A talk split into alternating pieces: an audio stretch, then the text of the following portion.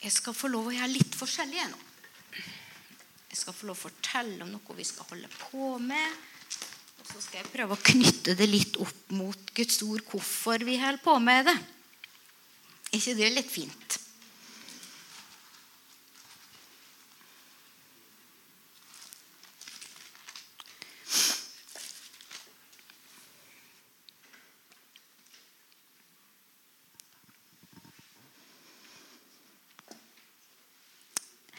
I Hebreerne 6 eh, så er det altså snakk om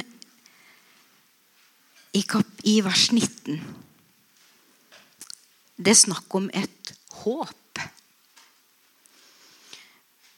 Og det håpet har vi som et sikkert og fast anker for sjelen.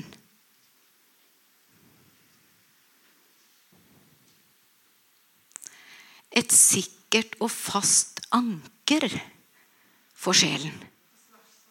Det er vers 19 i Hebreerne kapittel 6. La det ordet ligge der som en sånn en, en tråd, på en måte. Eller en Ja. Det er viktig å ha et anker for sjelen. Når tidene er rastløse, og tidene er omskiftelige, og presset er stort, så ligger vi i ro når ankeret har kommet til bunns. Og det er vår sjel som trenger det ankeret. Og Hadde vi spurt Rune, så kunne han sikkert fortalt oss masse interessant om ankeret sin funksjon. Så skal ikke vi gå så mye mer inn på det nå, men vi skal bare, bare ha det med. At du trenger et anker for din sjel. Du kan godt legge opp visjonen på skjermen, Kjetil. Vi vil gjøre evangeliet tilgjengelig og kjent for vår tid og generasjon. Jeg leste en artikkel av Arild Edvardsen. Det vil si, det er ikke en artikkel, det er en preken fra Saronsdal i 2005. Og det jeg sier nå, er henta litt derifra. For han snakker om evangeliet. Hva er evangeliet? Jo, evangeliet er de gode nyhetene om at Guds kongerike er kommet til oss mennesker. Ofte i, i ordet så er det oversatt eh, rike. Altså Basilea det oversettes ofte bare rike. Himlenes rike, Guds rike. Men Basilea betyr kongerike. Og, og hva er det som gjør at det er viktig? Jo, i et kongerike der er det nemlig en konge som eier det riket. Som har all makt i det riket. Så Derfor er det så viktig for oss at evangeliet, det ordet, de gode nyhetene om at Guds kongerike er kommet nær. Jesus presenterte det gjennom hele sitt virke. Han snakka om Guds rike er kommet nær. Himlenes rike er kommet nær. Han sa uten å bli født på nytt kan ingen komme inn i kongeriket eller i Guds rike.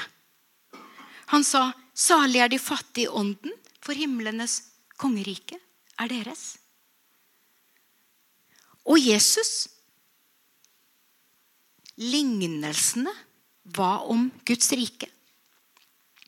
De tolv som ble sendt ut, var sendt ut for å forkynne om himlenes rike, kongeriket. De 70 den første menigheten snakka om kongeriket. Og Paulus snakka om kongeriket.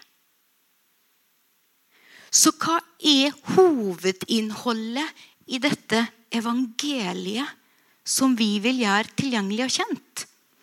Jo, da sier Arild Edvardsen i sin preken da og Jeg bruker hans punkter, og det er viktig for meg å referere det, så jeg ikke blir tatt for plagiat.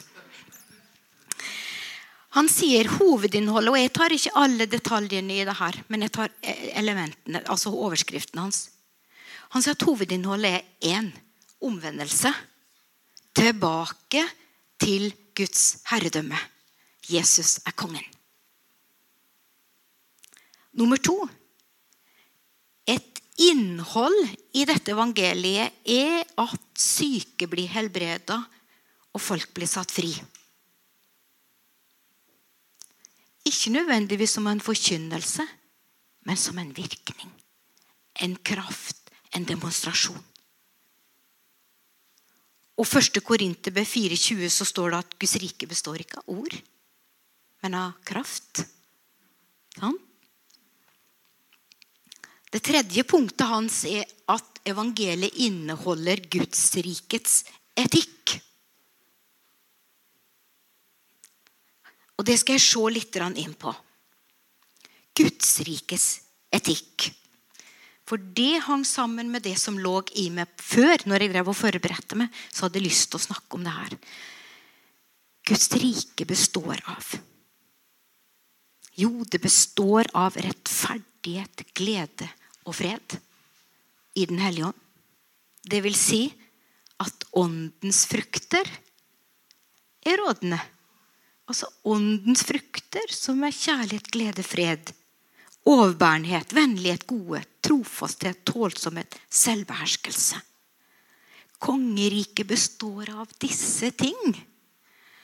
Og i Romerne 13, 14 Det kan du lese når du kommer hjem. Les de kapitlene og la det, la det, tale til deg. La Gud tale til deg gjennom det. Men Romerne 13 og 14 snakker jo noe om hvordan vi skal være sammen snakker noe om kjærlighetens lov, frihetens lov, og det snakker om noe om lydighet.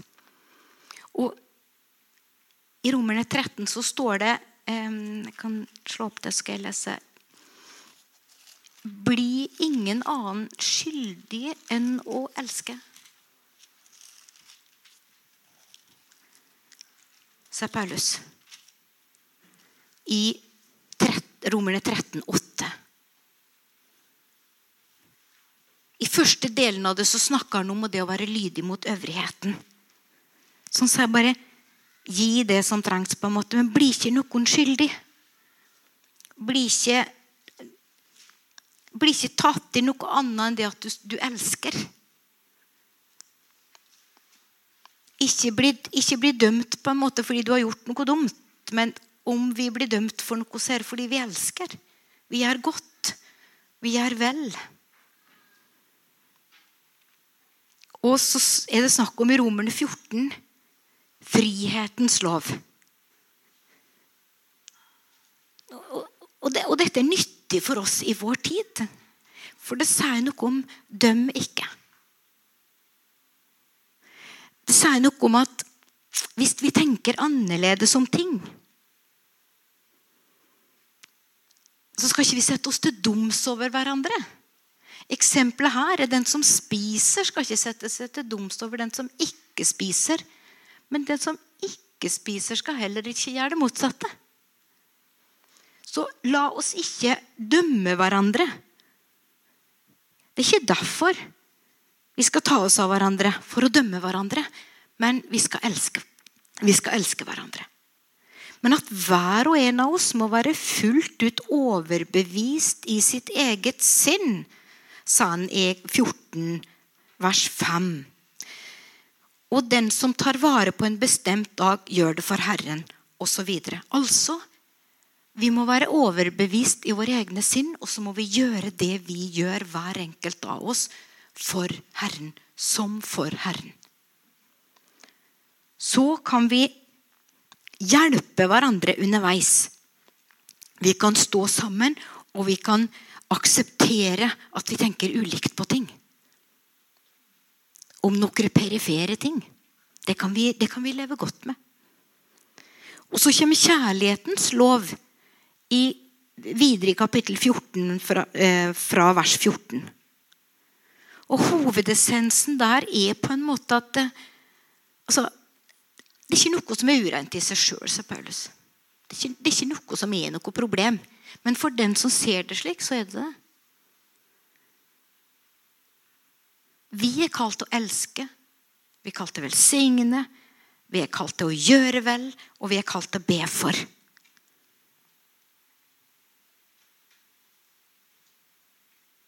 Det er Guds rikes etikk. Vi er, vi er givere. Vi krampeholder ikke fast på våre meninger og skal tre det ned over hodet på alle andre. Men vi sier våre meninger, og så gjør vi det vi gjør i tro til Gud. Og vi gjør det som for Herren. Han sier jo faktisk òg noe om sterk og svak tro. Så sier at har du tro, hold den for deg sjøl framfor Gud. Salig er den som ikke får sin bror. Salig er den som ikke dømmer seg selv i det han velger. Så det er noe, noe balanseganger her i den tida vi lever i nå. Men det er viktig å tenke at vi ikke er noe annet skyldige enn å elske hverandre omfavne hverandre, holde sammen. Holde sammen! Det er superviktig. Holde sammen. Og så tåler vi litt ulike meninger. Det tåler vi så veldig godt. Så det, det er grunnloven i dette riket. Det er kjærlighet. Det er fantastisk. Og så har vi noen eh, disse fruktene av å være i Guds rike være, fordi Guds rike er dominert av Den hellige ånd. Sant? Rettferdighet, glede og fred i Den hellige ånd. Så er det åndens frukter som på en måte skapes og produseres i det riket når vi er sammen med Jesus. Og da er det noe vers som Paulus skriver til filipperne som, som er helt, det er helt fabelaktig. Altså, eh, Filipperne 4, 4, og vi kjenner dem. Filipperne eh, 4, 4, ja. Der står det 'gled dere i Herren alltid'. Og igjen vil jeg si 'gled dere'. La deres vennlige sinnelag bli kjent for alle mennesker. Herren er nær. Vær ikke bekymret for noe, men la i alle ting deres bønneemner komme fram for Gud i bønn og påkallelse med takksigelse og Guds fred. Altså, da kommer Guds fred, som overgår all forstand, skal bevare deres hjerter og tanker i Kristus Jesus. Det interessante står Be med takk. Det er litt eh, korta ned eh, det er essensen på en måte i det. Kom framfor Gud i bønn og påkallelse med takksigelse. Vet du at forskning viser at takknemlighet er gledens største muskel? Jeg har gått et kurs i vår med som heter Katrine Aspås, som heter emosjonell styrketrening. Og Hun viser til forskning på de store universitetene i verden. Og hun sier unnskyld meg, altså, men du, du må bare akseptere det. Takknemlighet. Vil du være glad, så må du praktisere takknemlighet. Og nå blir dere sikkert lei av meg men jeg sier det igjen. Takknemlighet er det som skaper glede. Så hun starter hver morgen med å bare strekke seg for det har hun også lært, at å strekke seg, det løfter. Så når vi løfter våre hender i lovprisning og takknemlighet til Gud, så gjør kroppen noe for oss som skaper glede. Ikke fantastisk? da? Dette studerer jo sikkert du litt på nå, Elin, på sykepleien. Hva er det kroppen gjør for oss? Hva er det vi gjør som gjør at vi samarbeider med skaperverket?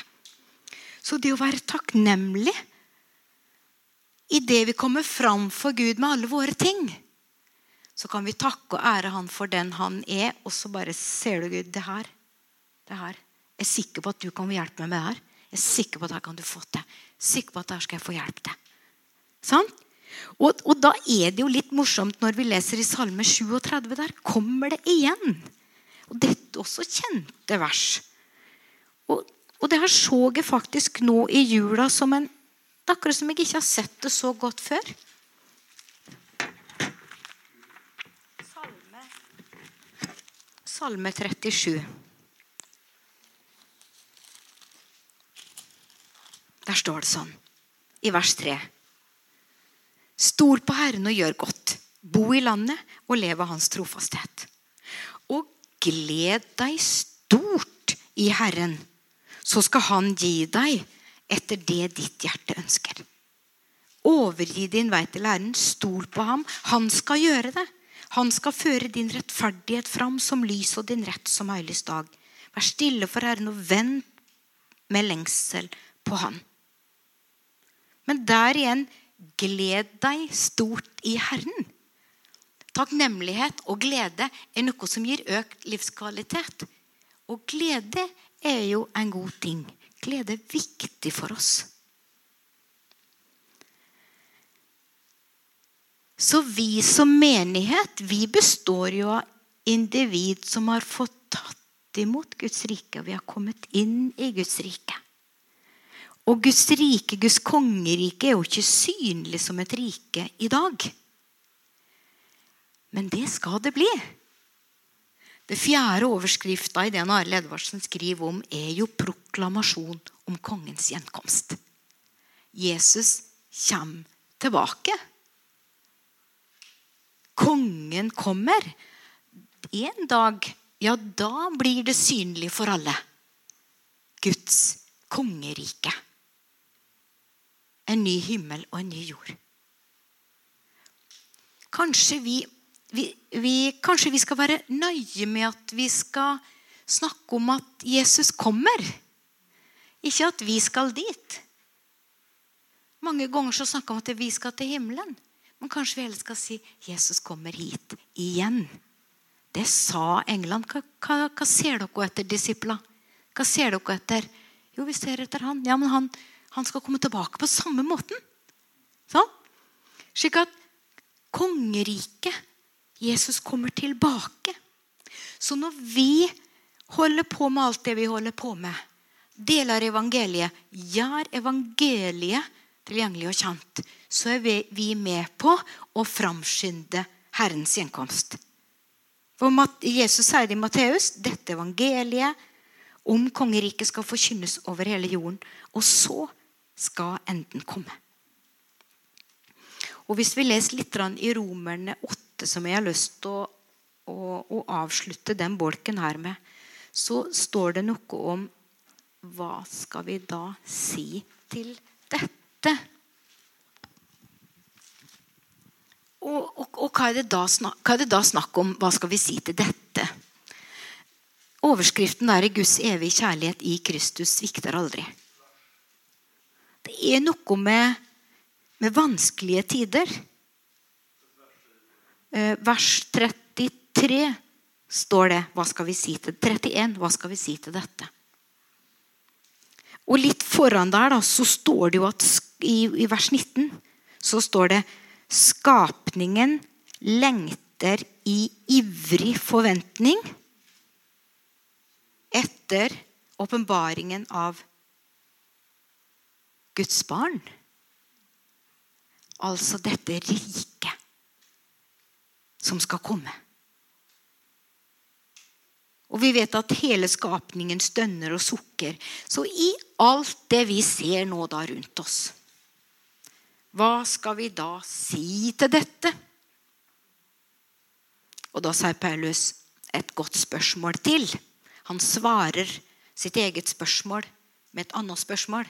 Og så sa han hvis Gud er for oss, hvem er da mot oss? Hvem? Hvem er det? Ja, i, i størrelse og prakt og, og, og herlighet og makt. Hvem er det? Han som ikke sparte sin egen sønn, men ga han for oss alle. Hvordan skal han kunne annet enn å gi oss alle ting med han? Hvem vil komme med anklage mot Guds utvalgte? Det er Gud som rettferdiggjør. Og der er forankringa for vår sjel. Det er Gud som rettferdiggjør. Ved troen på Jesus Kristus så har vi fått tatt del i Guds rike. Og vi skal leve ut dette kongeriket, og vi skal snakke om det, og vi skal spre det. Og som menighet nå, da, så sender vi jo ut. Vi er kjempeglade og takknemlige for Tim, som reiser til andre sida av jorda. Vi er så glad for eh, folket, dem som jobber blant sjanfolket. Vi er så glad for Daniel og Catherine, som vi støtter der sitt arbeid. Og så tenker jeg ja, men vi, jeg, vil også si Kan ikke vi jo ha en plansje her til neste år om at hvor mange ble frelst? Hvor mange, fikk, hvor mange fant Guds rike dette året her? Hvor mange ble medlemmer av Guds kongerike? Og da er vi jo ikke snevre, så vi bare tenker på oss her i menigheten. Men vi er jo på Guds rikes vegne, så tenker vi stort. ikke sant? Vi kan glede oss over folk som har funnet Guds rike. Men vi som menighet vi trenger å være forankra. Vi trenger forankring i sjelen. Vi trenger å vite hvem vi er i Kristus. Vi trenger vi trenger å kjenne dybden, grunne på Guds ord. Vi trenger å kjenne dybden i Gud. Så, så Daniel hilsa oss med å på en måte grunne på dette ordet. Og vi har, vi har, hengt opp ute på døra nå, så henger det jo her dette kurset, eller fellesskapspraten. Skal vi si det sånn? Dette vi vil ha lyst til å snakke om gjennom det neste året. 22 samlinger. Finn Jørgen, jeg la til en samling, for du sa 21. Men vi kan jo ha en fest til slutt. Da blir det 22. 22 samlinger i 2022. Sant? Vi ønsker at vi som menighet skal trekke sammen. Og så skal vi møtes annenhver uke, og så skal vi samtale om ordet. Og vi har hatt life-grupper og livsgrupper og forskjellige navn. Vi kaller det småfellesskap, og så er det ikke så farlig om du sier feil ord. Men småfellesskap uttrykker noe av det at det er et mindre fellesskap i det store. Og Jeg er så takknemlig for det som Elin Maria og Finn Jørgen legger til rette for oss nå. Det er nok aller mest Finn Jørgen. Jeg tror vi skal ære den som ære spør. Du er enig i det? Mm laga til et opplegg som gjør at når vi kommer sammen, så har vi noe håndfast. Vi har noe vi kan lese.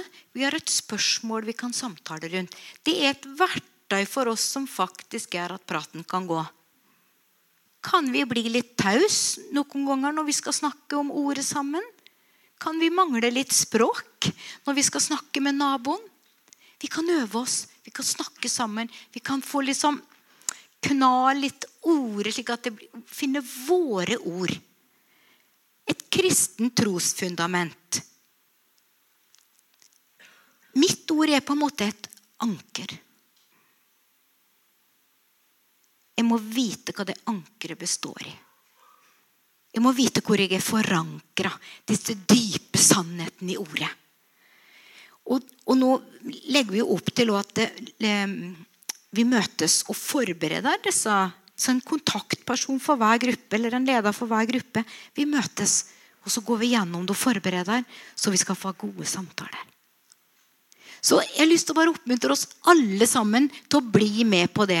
Og nå danner vi nye småfellesskap. Vi har en del life-grupper som eksisterer, men vi, det, er, det, er, for få. Vi, vi driver og danner flere. Så ta kontakt med meg hvis du har ønske om å være med hvis du ikke er med i ei gruppe allerede. Eller du tenker at ja, men jeg kan også ta i gruppe med noen nye. Hvis du vil det, så er det kjempefint. Så Det er det ene. Det andre vi òg skal invitere til, det er LED 2022. Lørdag 5. februar. Velkommen hit. Så ser vi LED på storskjerm. Det var fra klokka 10 til klokka 12.22. To timer og 22 minutter. De har hatt det litt morsomt når de har forberedt dem òg. For alle som er. Eller kanskje du kan bli med, og så kan du bli medarbeider etterpå. Det er fin ordning. Velkommen skal du være til inspirasjon.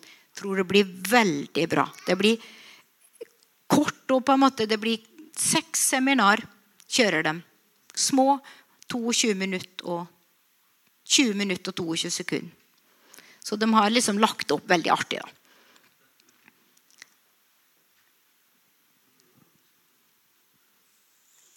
vi har lyst til å gjøre evangeliet tilgjengelig og kjent, da må vi bli kjent med evangeliet. Vi må forankre oss i evangeliet, og vi må gjøre praktiske handlinger. Det blir bra. Det blir bra. Vi er så takknemlige, og vi har så mye å være takknemlige for. Så med den oppfordringa gir jeg ordet tilbake til deg, Lars. Skal du få lov å avslutte.